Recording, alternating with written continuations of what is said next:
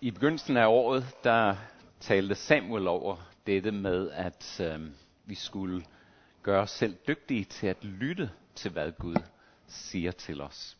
Og han talte om, hvordan Bibelen var blevet en inspirationskilde til ham, til bare at læse det, og så derved øh, opfange, hvad Gud sagde til ham. Christian fulgte op sidste søndag med at også opmuntre os til at tilbede Gud. At lade som vi blev opmuntret her til morgen til at lade vores ånd og vores sjæl og vores sind fyldes af Guds ånd i tilbedelse, anerkendelse af hvem Gud er. Og jeg vil prøve at fortsætte i dag i samme spor, men kigge på en anden vinkel, som hedder at bede til Gud. Så titlen for i dags uh, gudstjeneste er at daglige samtaler med Gud. Og hvis vi åbnede vores bibel der, hvor Emma læste, så vil vi se, at kapitel 10, hun læser fra kapitel 11, men kapitel 10, der er det en, en lille historie om, hvordan Martha og Marias forhold over for Jesus, og hvordan Maria sætter sig ned og blot lytter til, hvad Jesus har at sige. Martha væver sig ved det, og hun kommer og klager over det, men Jesus siger nej. Det her er det vigtige. Maria har, har udvalgt den vigtigste del af det. Og så umiddelbart efter, så går øhm, Lukas over til den tekst, som Emma læste for os, om det her med at bede til Gud. Jesus, han forventer, at vi som hans disciple beder. Han siger ikke, hvis du beder, så kan du sige det på den her måde. Men han siger, nej, når du beder, så sig det, som jeg fortæller dig. Som kristne ved vi, at det er godt og det er gavnligt at bede, men til tider, i hvert fald i mit liv, så kæmper jeg med en tomhed og en tyng, tunghed, måske en tom hjerte og øhm, tomme fraser og en oplevelse af, at min, mine tanker er flyvske og løber frem og tilbage, og det sænker sig en tunghed over det, når jeg beder. Og så spørger jeg mig selv, hvordan skal den her samtale føres med Gud? Og jeg ønsker Gud at opleve kontakt med dig. Jeg ønsker, at, at når jeg er i kontakt med dig, at jeg oplever den opbyggelse, som din helligånd kan give mig. Og det er de længsler, jeg har. Men ofte oplever jeg, at jeg ikke får det. Der er et meget, meget enkelt svar. Det er, kom til Jesus, tal med ham om det, og lad dig fylde med Helligånden.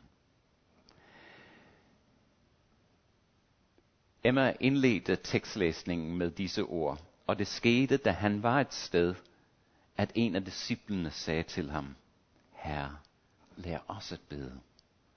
Der var noget med, at da han kiggede på Jesus, måske på lidt afstand, måske knælende, måske stående, og talte med Gud, så var der noget i den disciple, der drog ham. Og han sagde, det er sådan, jeg ønsker at have det i mit liv. Og evangelierne fortæller os mange forskellige situationer. Da Markus starter sit evangelium meget tidligt i hans evangelium med at sige, mens øh, tidligt om morgenen, mens det var mørkt, gik Jesus ud i ødemarken og bad. Lukas siger på et andet tidspunkt, at Jesus søgte op i bjergene og bad hele natten.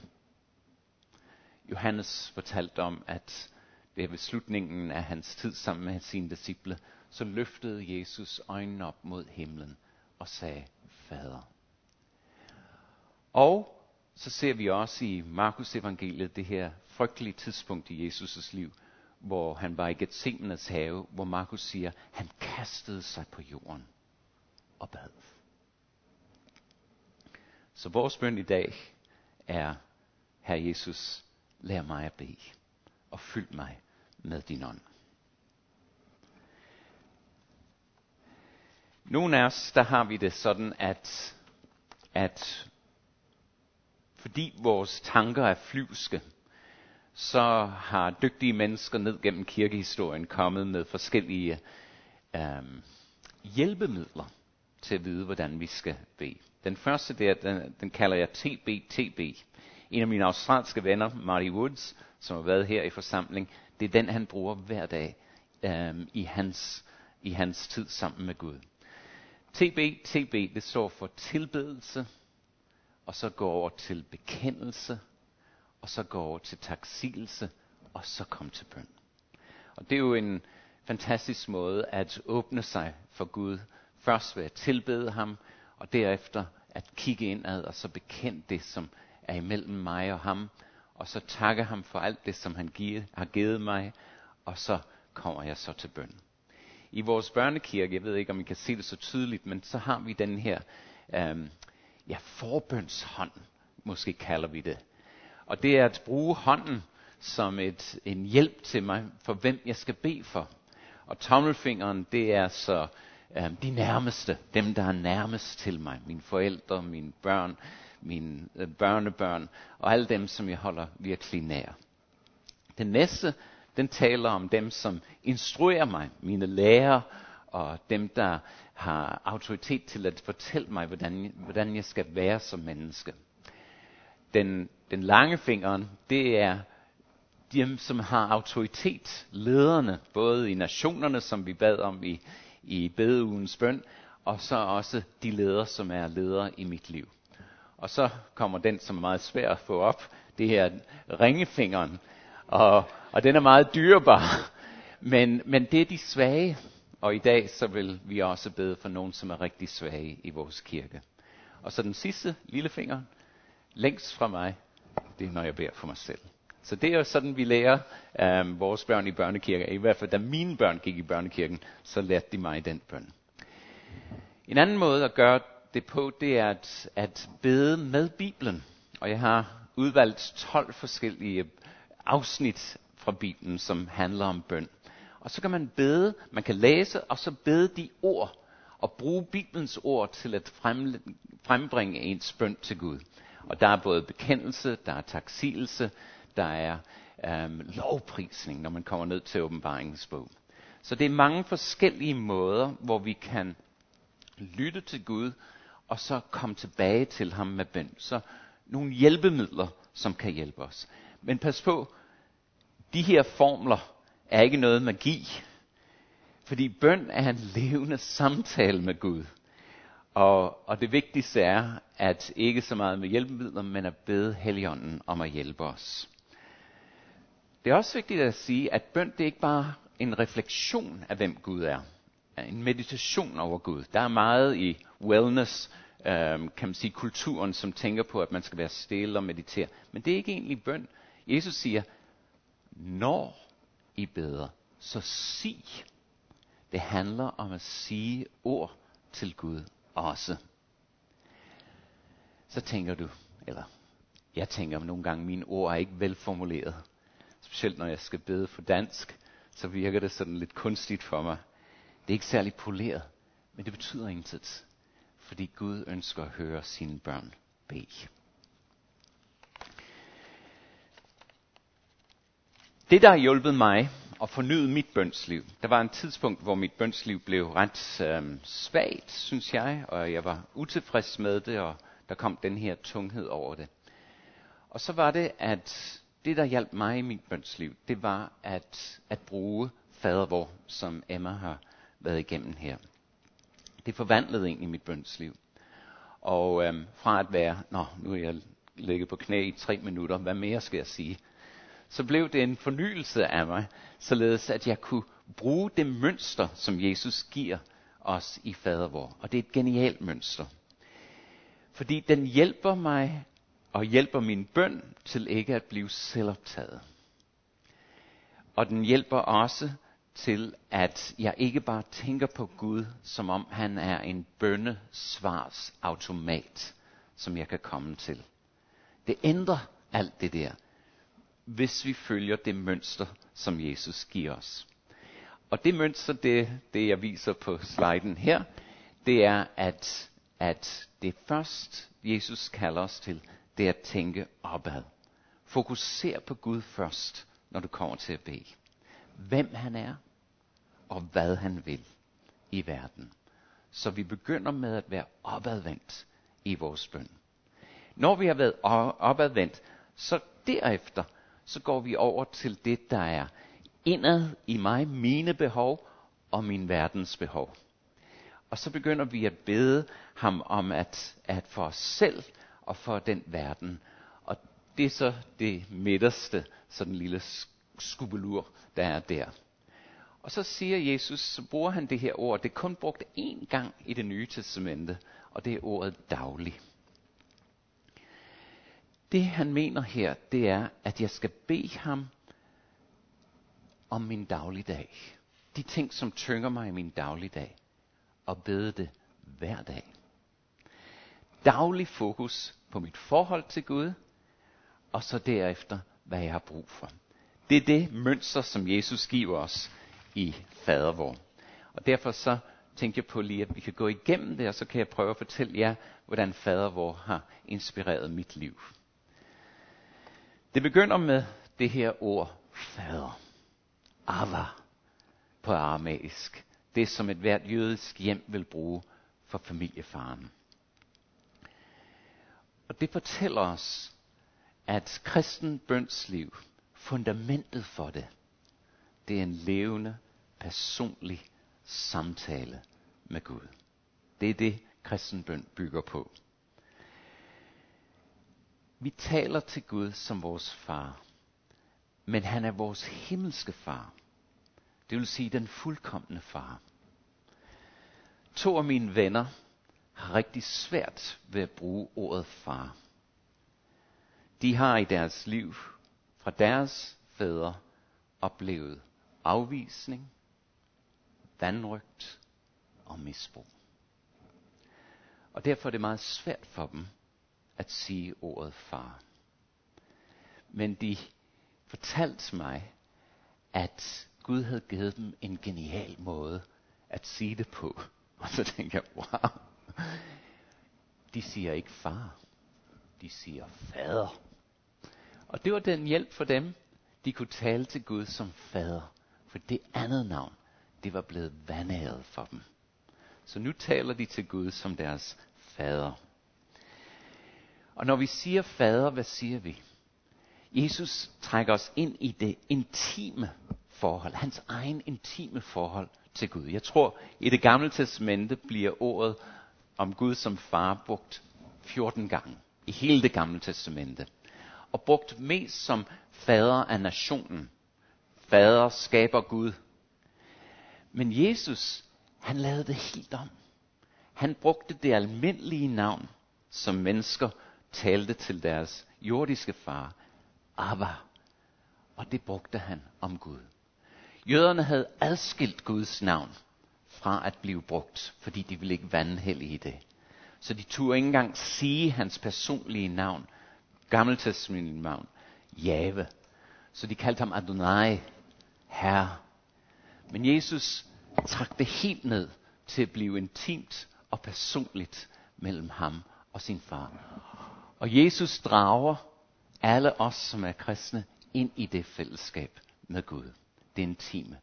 Det kan kun lade sig gøre, fordi Jesus på sit kors åbnede vejen til himlen for os og fyldte os med sin ånd, som vækker længsen i os til at sige, far. Så det er det, som vi beder, når vi, når vi vender os til Gud. Vi beder til ham som vores forsørger, en god fader, som, som passer på os og har omsorg for os. Vi beder til Gud som vores genopretter, ham der renser os og genopretter os igen. Vi beder til Gud som vores beskyttende hyrde. Alle disse ting vil vi se komme ud, når vi, når vi går igennem den bøn, vi kalder fader vor. Jesus åbner det her forhold til os. Og det er så dyrebart, og derfor kan vi kun bruge det med dyb, dyb glæde i vores indre. Og han vil invitere dig og mig ind i dette forhold med, med sin far. Og Helligånden, han skaber kontakten. Når du bliver født på ny, så kommer det helt naturligt. Du ønsker længes efter at sige far, og det er tegnet på, at Helligånden også bor i dit liv. Men hvem er han? Hvem er den her far? Det er det, Jesus går videre til. Han går videre til den næste knage, hvis vi skal sige det. Bønden fader hvor, vi kan bede den som fader hvor, men egentlig er det, som ud fra Lukas evangeliet, når vi sammenligner med Matteus evangeliet, er det jo en bøn, som er bygget på knager. Det er ikke en remse, men det er en, en aftrækkermekanisme, således min tanke. Jeg kommer fra far, og så hvem er du, far? Helligt blive dit navn. Det beskriver, hvordan Gud er. Men hellig, hvad betyder det? Jeg kender det ord, men hvad er indholdet i det ord? Hellig, det er det udtryk, som Bibelen bruger for at karakterisere, hvem Gud er i hans ophøjede majestæt. Og jeg brugte den her billede her om solens skarpe, rene lys. Det er sådan, Bibelen beskriver Gud, at Gud er lys. Men samtidig ser vi også de her skyer omkring solen. Vi kan ikke se det, vi tåler heller ikke at kigge direkte ind i solen. Men de her skyer, det også fortæller mig, at der er ting om Gud, jeg vil aldrig kende. Jeg vil aldrig forstå. Han er for stor, og jeg vil aldrig begribe ham. Virkelig alt, hvad han er. Men det gør ingenting. Jeg kender ham stadig som min fader. Så hvad betyder hellig? Som jeg ser det i Bibelen, så giver den os tre forskellige vinkler på, hvem Gud er. Hellig på hebraisk er ordet for adskilt, separeret, anderledes. Og der er en del af Gud, som er helt anderledes til os. Jeg er ikke evig på den måde. Jeg har ikke altid været her. Jeg er ikke almægtig. Jeg er ikke alvidende. Jeg er ikke alvis. Jeg er ikke allesteds nærværende. Der er aspekter til Gud, som aldrig jeg vil være en del af. Så er der en anden del af Gud, som hellighed også betyder. Hellighed betyder fuldkommenhed. Og der er en aspekt til, som Gud har skabt mig i hans billede, og alle mennesker i hans billede, at hans karakter kommer igennem. Således at det er de ting, som jeg kan efterfølge i mit liv. Hans kærlighed, hans godhed, hans retfærdighed, hans ret og alt det, som kendetegner Guds karakter. Og det bliver også et udgangspunkt, som min ven Marti ude i Japan nu, at når han beder, når han kommer og tilbeder Gud, så kommer der ind over hans liv den her, åh oh, Gud, jeg er ikke sådan. Han renser sig selv med sin kærlighed, måske et, et, et skarpt ord mod hans hustru eller sådan noget. Guds ånd renser os, og så kan vi se, at vi er ikke som Gud egentlig har kaldet os til at være. Men samtidig så er der en længsel efter at være som den Gud, som vi elsker. Den tredje aspekt for hellighed, det er, um, som Bibelen bruger det, det er at være hengivent helt til Gud. Vi har ikke templer mere. Jøderne har ikke et tempel mere. Og Gud sagde, uh, Jesus sagde, da han var iblandt os, at der var ikke, slet ikke brug for et tempel.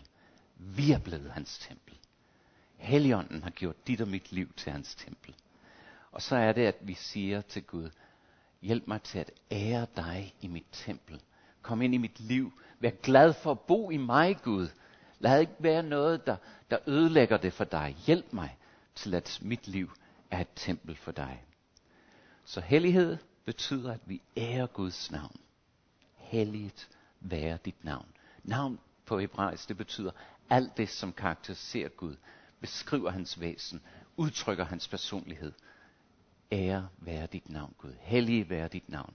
Og så samtidig kommer Guds vilje også med i det her. Hjælp mig til at følge, hvem du er. Den anden knage, som vi bygger vores bøn, efter vi har talt til Gud som vores fader, beder om at forstå, hvem han er i hans hellighed.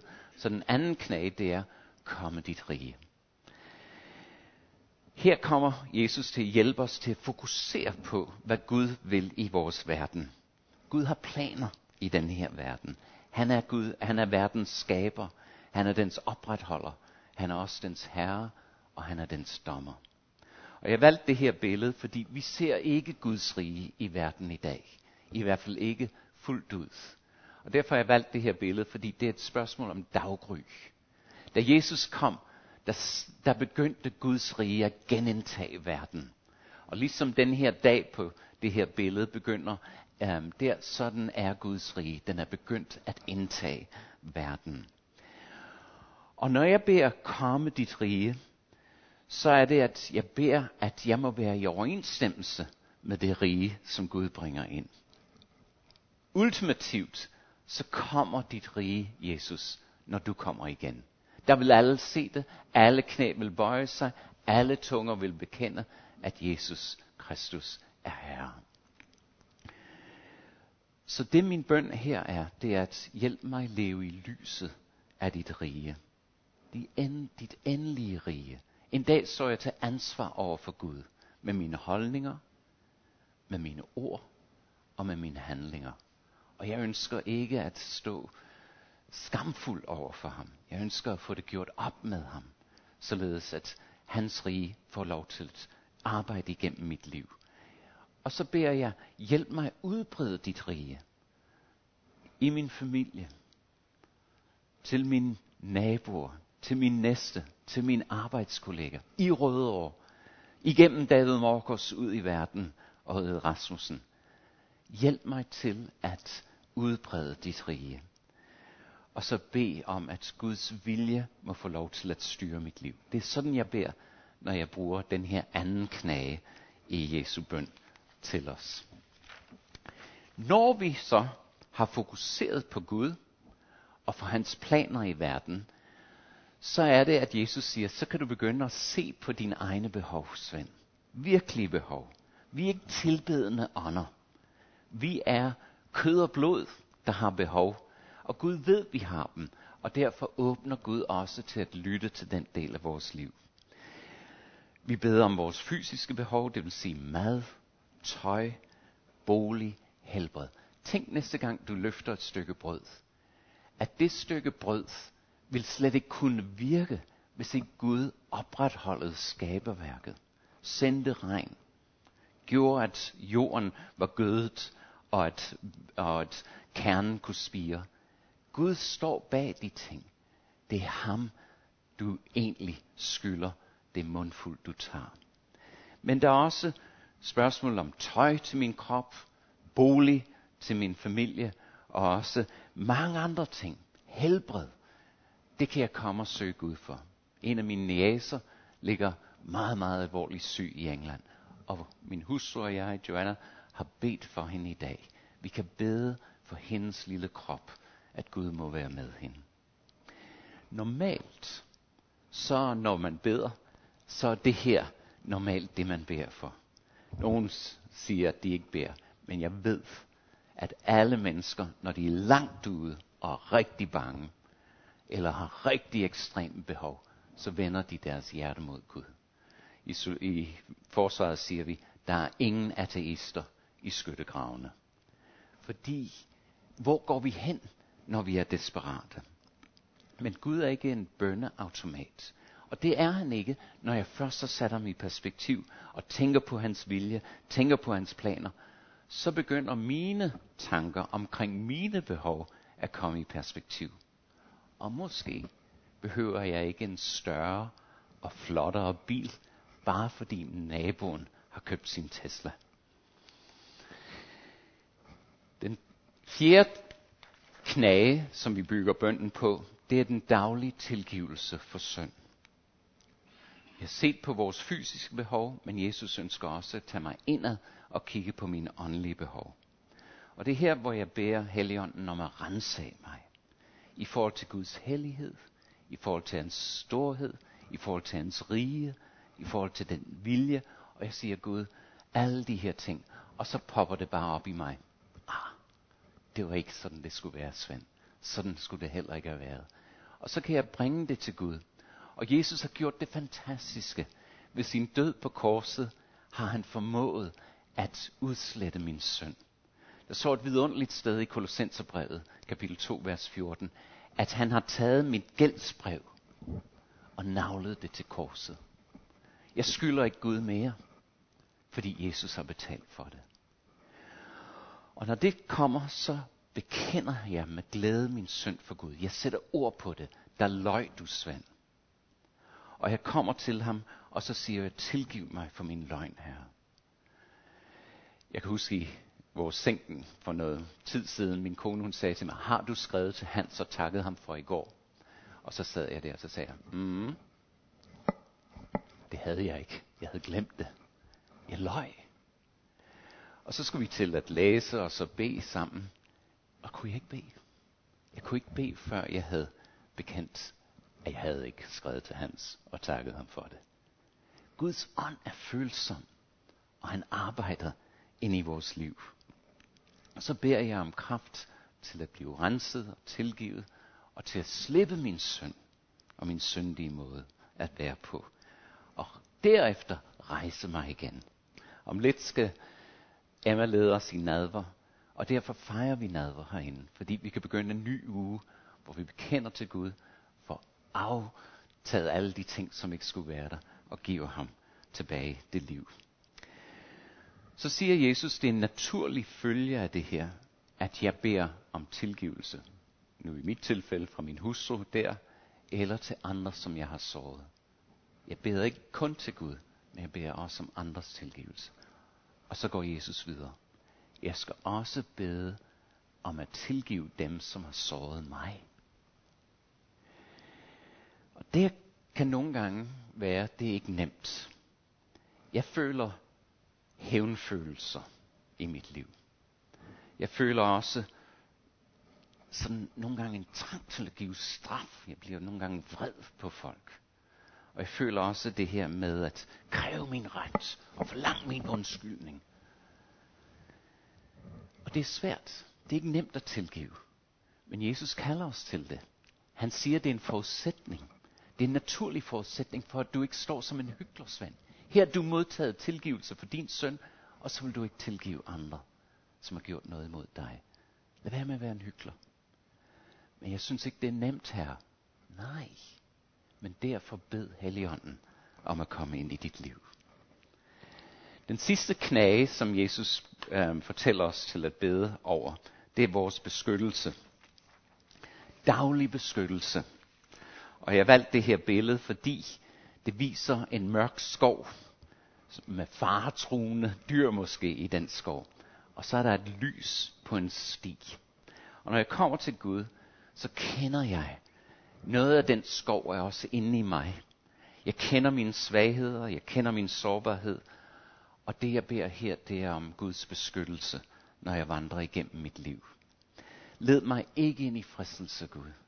Led mig ikke ind i de områder af mit liv, hvor du ved, jeg er svag, og hvor jeg derefter kan falde. Du kender min sårbarhed. Hjælp mig, Herre. Jeg er bange for, at jeg vandærer dig, og jeg kommer til at vandære dem, som jeg elsker. Og så samtidig mig fri mig fra den onde her, og det onde, der kommer imod mig. Beskyt mig. Du er min Gud. Du kender mine svagheder. Før mig og bevar mig fra det onde. Det var det fem knager, som Jesus brugte i fadervor. Men han slutter det, som Emma fortalte os. Han slutter med de her ord om en, han giver en lille lignelse, og så giver han en opmundring til os til at bede. Den lignelse, den handler om to ting. Den handler om en ven, som ikke gider stå op om natten, når jeg kommer der ved to-tiden og siger, har du noget brød, jeg kan give min ven? I, Mellem, i Danmark, det vil være uhørt. Men i Mellemøsten, det at ikke kunne levere noget til en gæst, det var meget, meget pinligt. Så derfor så er man desperat og går hen til sin gode ven. Han siger, det gider jeg ikke. Men Gud siger, sådan er jeg ikke. Jeg er villig altid til at høre din bøn. Og jeg er gavmild, og jeg er en god far. Samtidig så siger han, jeg er bedre end din bedste ven.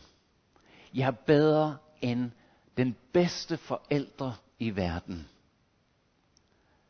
Ingen vil give sin søn en slange, hvis han beder om brød. Jeg er bedre end den bedste forældre i verden. Og der siger han også, bliv ved. Derfor, Svend, bliv ved med at bede til mig. Bed, søg, bank på. Intensiver det. Fordi jeg er ved at gøre noget i dit liv, som Pauline mindede os om i tilbedelse, som er så vigtig for dig. og jeg former dig. Nogle gange, når jeg venter på at svare dig, så former jeg dig til at ligne Jesus mere. Jeg sagde også nej til min søn, da han bad mig om at fjerne den kalk, eller det bære af, af domsvin, som han bad fritagelse for i Gethsemanes have. Det er aldrig forgæves at gå til Gud i bøn, men blive ved med at bede. Og det er der, jeg ofte nogle gange begynder at give op. Min mor var ikke en kristen, og jeg bad for hende da, fra den dag, jeg blev en kristen. Ikke altid, men jeg bad jævnligt for hende. Og Gud gav mig nogle løfter undervejs, som opmuntrede mig i min bøn. Men egentlig var jeg opgivende. Og så en dag, da vi gik sammen nede i, i den by, hun boede i i England, så vendte hun sig til mig, og så sagde hun, Svend, you've got to get me to heaven. Svend, du skal få mig i himlen. Så sagde jeg, jeg fumlede det. Jeg sagde, det kan jeg ikke, mor. Men så kom der en tanke til mig, men jeg kender en, der kan. Men så, så var det slut med den samtale. Så nogle måneder, måske et år senere, så sagde han, jeg vil bare have det, du ved, jeg beder for mine børn og mine børnebørn og dem, der er nærmest med hver dag. Og så da hun lød, lå for døden, og jeg var på besøg hende på hospitalet, så sagde hun, jeg har ved min seng nogle bønder, som du skal bringe herop. Så jeg fandt den, og så tog jeg dem op på hospitalet, så sagde jeg, mor, skal jeg bede dem for dig? Nej, nej, nej, det er mine bønder. Og derfor, da jeg skulle begrave hende, så kunne jeg begrave hende i tilliden til, at den gode hyrde havde opsøgt hende. Der er kraftig bøn, og Gud siger, at han hører en hver af vores bønder. Skal vi bede sammen. Herre Jesus, vi takker dig for, at du er et, du er et forbillede. En bøndens forbillede for os. Tak for det mønster, som du har givet os, om at først søge Gud og derefter finde, hvad vores egentlige behov er. Tak, at du giver din renselse tilgivelse til os, når vi beder dig om det. Og så beder jeg dig, Herre, hjælp mig til at gentagende gange tilgive og løse andre, som, som har forbrudt sig imod mig. Her beskyt mig fra mine svagheder, og beskyt mig fra at falde i synd og vandhære dig. Og tak du, Herre Helligånd, at du har bragt mig til Gud. Og tak, at du beder i mig og hjælper mig til at bede. Herre Helligånd, jeg beder dig om alle mine venner, som lytter her. Fyld os med ny kraft og liv i vores bøn. Amen.